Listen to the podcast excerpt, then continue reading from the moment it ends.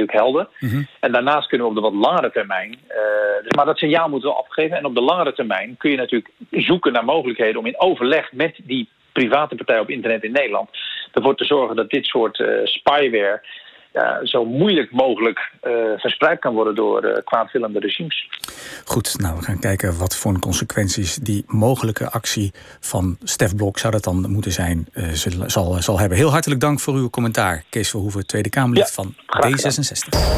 NPO Radio 1, Argos.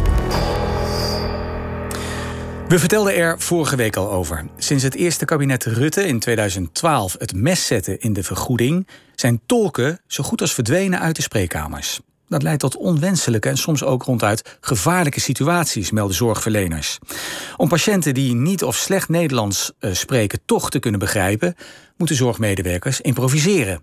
Bijvoorbeeld door jonge kinderen voor tolk te laten spelen. Vooral in de geboortezorg lijkt dat tot grote problemen, ontdekten Argos-collega's Marit Koopmanschap en Renier Tromp. Uit een enquête van Argos, eh, die Argos hield onder 160 verloskundigen, blijkt dat meer dan 80% zegt minder goed zijn werk te kunnen doen sinds de afschaffing van die tolkenfinanciering. En vrijwel iedereen, 97%, zegt dat de kosteloze inzet van tolken de zorgkwaliteit zou verbeteren. Toen we dat nieuws vorige week naar buiten brachten, kregen we tientallen reacties van verloskundigen. Met alarmerende voorbeelden uit hun praktijk. Luistert u naar het verhaal van een van hen, Nelleke Gosker, verloskundige in Meppel.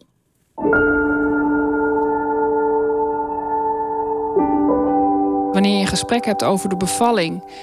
En je ziet dat je eigenlijk niet met iemand kan communiceren, dus haar niet kan vertellen wat ze kan verwachten bij een bevalling, ja, dan gaat je dat aan het hart. Je merkt dat doordat de tolkentelefoon wegbezuinigd is, dat je eigenlijk gewoon geen goede tolk hebt. Wij kunnen als verloskundige eh, wel gebruik maken van een tolk, maar wel tegen een vergoeding. En als je dat omrekent, betekent het gewoon dat als ik een tolk inschakel op mijn consult, dat ik mijn hele uurtarief gewoon kwijt ben aan de tolkentelefoon. Dus dat werpt een drempel op, waardoor je dus dat niet zo snel meer doet. Natuurlijk is het goed als en, en sta ik er, ben ik er helemaal mee eens dat mensen, zeker als ze langer in Nederland blijven, de taal gaan leren. Maar ze moeten hem ook echt wel heel goed beheersen. Wil je echt een goede, gedegen intake kunnen doen. Dus ik denk dat die tolk altijd nodig zal blijven.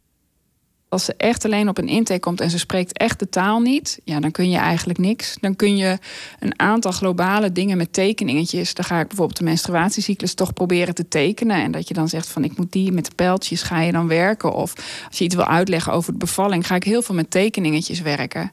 Maar het kost één onwijs veel tijd. Mijn tekenkunsten zijn niet denterend. en het blijft dan bij hele basale informatie. Maar echt iets goed doorspreken lukt dan gewoon niet. Je ziet natuurlijk bij bepaalde culturen, zie je ook bepaalde gebruiken. En bepaalde do's en don'ts. In uh, een aantal culturen is een zwangerschapsafbreking uh, echt niet, eigenlijk niet geoorloofd qua geloof of iets. Wij bespreken in het begin van de zwangerschap natuurlijk de vroegdiagnostiek, zoals we die noemen, de NIPT-test of allerlei testen die je zou kunnen doen om te kijken of een kindje bepaalde afwijkingen heeft of misschien Down-syndroom heeft. En in Nederland mag je dan natuurlijk tot 24 weken die zwangerschap afbreken. En dan merk ik soms als ik dan zo'n gesprek over dit soort testen doe en er zit familie bij die dan voor mij tolkt, dan voel je gewoon dat er een sociale druk is. Want als jouw schoonzus voor jou vertaalt. En misschien wil jij in je hart wel kiezen voor die testen, omdat jij denkt, ja, ik zou eigenlijk dat ook misschien toch wel doen als het kindje echt niet levensvatbaar is, zou ik hem misschien toch ook dat lijden willen besparen en een zwangerschapsafbreking zou overwegen. Dan durven mensen dat, denk ik, en dat merk je dan door de sociale druk eigenlijk niet te zeggen, omdat die schoonzus of uh, die vriendin daarbij zit. Je voelt aan alle kanten dat je intakes en je gesprekken niet zijn wat ze zouden moeten zijn. Dus je voelt gewoon toch eigenlijk dat je, en je kunt er niet, misschien niet zo heel veel aan doen, maar dat je onder de maat zorg levert. En dat er op deze manier toch een aantal vrouwen tussendoor glippen die je eigenlijk beter had kunnen begeleiden. Uh, stel dat iemand met bepaalde buikklachten bij je komt. En je, je weet als verloskundige wel dat het een klacht is die erbij hoort. Waar je niet zo heel veel aan kunt veranderen. Maar zij ervaart die klacht wel echt zo. En het is voor haar wel echt een ding als je de taal goed kent, dus als ik gewoon een Nederlandse vrouw tegenover me heb, kan ik met allerlei dingen uitleggen waarom die pijn erbij hoort. Dus je laat vrouwen soms je spreekkamer uitgaan waarvan ze dan verstandelijk misschien wel weten: oké, de verloskundige zegt dat het niet erg is, dus het zal wel niet erg zijn. Maar die het begrip, die dus niet begrijpen waar het vandaan komt, waardoor het voor hun toch spannend blijft. Dat stukje. En dat vind ik echt een heel moeilijk stukje. En vooral ook tijdens bevallingen, maar ook in de aanloop dus naar die bevallingen toe. Dat, dat vrouwen gewoon niet, niet, je kunt ze niet overbrengen wat ze te wachten staat.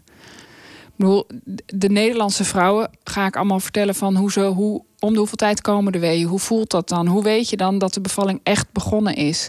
en dat het niet een valse start is? Ehm, dat zijn nuances die je dan vertelt over de pijn in je buik. Want wat is dan een harde buik? Wat is een wee? Dat is een verschil. Maar dat zijn nuanceverschillen. Die kan ik haar niet meegeven. Dus zij heeft, heeft dan altijd meer angst, meer onzekerheid bij die bevalling. En we weten allemaal, angst en onzekerheid staat gewoon een goede bevalling in de weg, want dat remt.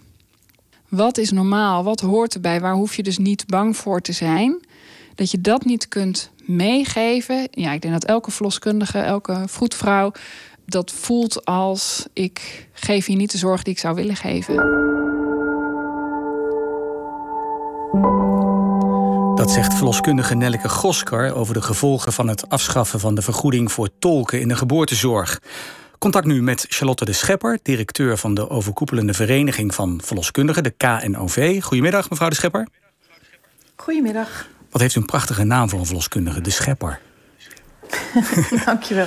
We hebben, we hebben heel veel reacties gekregen uit uw uh, beroepsgroep. De verloskundigen die u vertegenwoordigt maken zich grote zorgen, hoorde u ook, hè, over de zorgkwaliteit door het gebrek aan tolken.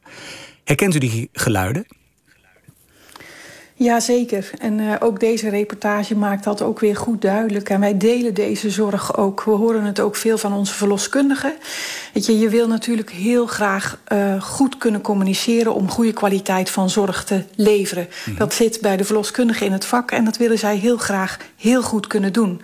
En op deze manier lukt dat soms niet. En uh, daarvoor hebben we eigenlijk gewoon die tolkentelefoon wel nodig om die kwaliteit van zorg te leveren waar onze verloskundigen ook voor staan. Ja, en dat is dus al sinds 2012 zo'n beetje gaande. Wat, wat gaat u doen om het probleem van die financiering van de tolken aan te pakken? Want ja, als buitenstaander zou je zeggen, ja, dit leidt tot zulke grote problemen op de verloskamer bijvoorbeeld, dat dit snel moet worden opgelost. Ja, het leidt tot problemen op de verloskamers. Maar zeker ook uh, de verloskundigen zijn natuurlijk best een hele lange periode. Wat uh, Nelleke net ook uh, heel mooi uitlegde in de reportage.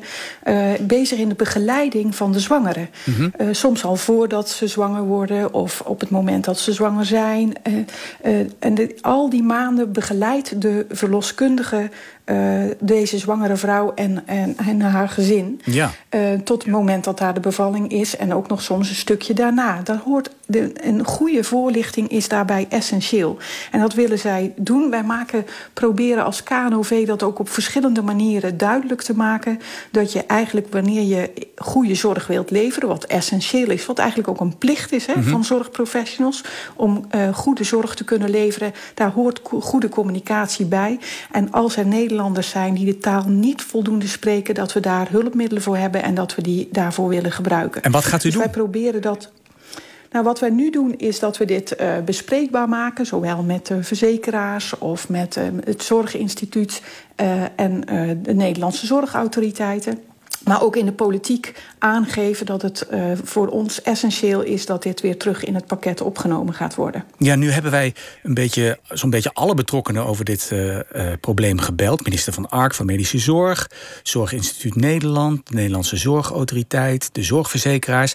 En zij zeggen, ja, maar die prijs van tolken die zit al gewoon in de tarieven die verloskundigen rekenen voor een consult. Dus anders, anders gezegd, verloskundigen krijgen het geld voor tolken al bij iedere behandeling. Alleen ze huren er geen tolken voor in. Klopt dat wat de minister zegt? Nee, dat klopt volgens mij niet. Uh, de tolken zitten namelijk niet in het tarief. Dat is ook waar de reportage ook over is gegaan. En het is vreemd, hè, want als iets niet in het tarief zit... dan zit het dus ook niet in het pakket. Het Zorginstituut heeft wel gezegd dat het voor de GGZ onderdeel uitmaakt van goede zorg. En dat dat tarief daarop passend zou moeten zijn. Mm -hmm. En wij delen dat en vinden dat dit dus ook moet gelden voor de verloskundigen. Dus als het, niet, het zit in ieder geval nog niet in het pakket. Maar wij vinden het wel van belang dat dat er weer terug in gaat komen afkomen. Dus als dat de intentie is om naartoe te werken, dan zouden wij daar heel erg blij mee zijn. Maar hoorde ik niet Nelleke Goske ook zeggen: ja, ik krijg wel een vergoeding voor de inzet van tolken, maar dat is, dat is veel te weinig. Daaruit maak ik althans op dat er dus wel iets uh, betaald wordt. Ja, verloskundigen die lid zijn van de KNOV, dus van onze beroepsvereniging, kunnen gebruik maken van een korting op het tolkentarief via de KNOV. Hmm. Maar dit is een korting op het tarief. En desondanks vraagt dit toch nog wel een grote eigen bijdrage. Wat dus ook wel die drempel opwerpt. Ja. ja, de zorgautoriteit die vertelde ons, ja, die verloskundigen, die moeten gewoon beter onderhandelen aan de onderhandelingstafel bij de zorgverzekeraars. Hm. Ja, als iets in het pakket zit, dan kun je daar inderdaad over onderhandelen. En dan zou je daar uh, een gesprek met de verzekeraar over aan kunnen gaan. Maar dan moet het wel eerst in het pakket opgenomen zijn. En het is nu geen onderdeel van het pakket. En dan kan je daar dus ook niet over onderhandelen. En daar gaat u voor pleiten, neem ik aan. Ja, daar gaan wij zeker voor pleiten. We zullen dat ook in de politiek uh, aanhangig maken. En ook op deze manier is het fijn dat we hier nu weer in de uitzending zijn en dit ook mogen benoemen. Uh, en daar zullen we, kunnen we goed samen in optrekken, samen met de Patiëntenfederatie, om ons hard te maken op dit punt. Zowel naar het ministerie van VWS en naar de politieke partijen. Weet je, de verloskundigen zetten zich dag in uh, voor de beste geboortezorg. En daar is een goede communicatie echt bij nodig. Heel hartelijk dank voor uw reactie. Charlotte de Schepper, directeur van de KNOV, de Koninklijke Nederlandse Organisatie van Verloskundigen. Tot zover Argos. Ik verwijs u graag nog naar onze site, want daar verschijnen gedurende de week regelmatig tussenstanden van onze onderzoeken en ander interessant lees, luister en kijkvoer. Ga daarvoor naar argosonderzoekt.nl. Zo dadelijk op deze zender Hilversum uit met wel die van Gene en die is vandaag in Apeldoorn. En wij, wij spitten verder. Ik wens u een fijn weekend. Houd het hoofd koel. Graag tot volgende week.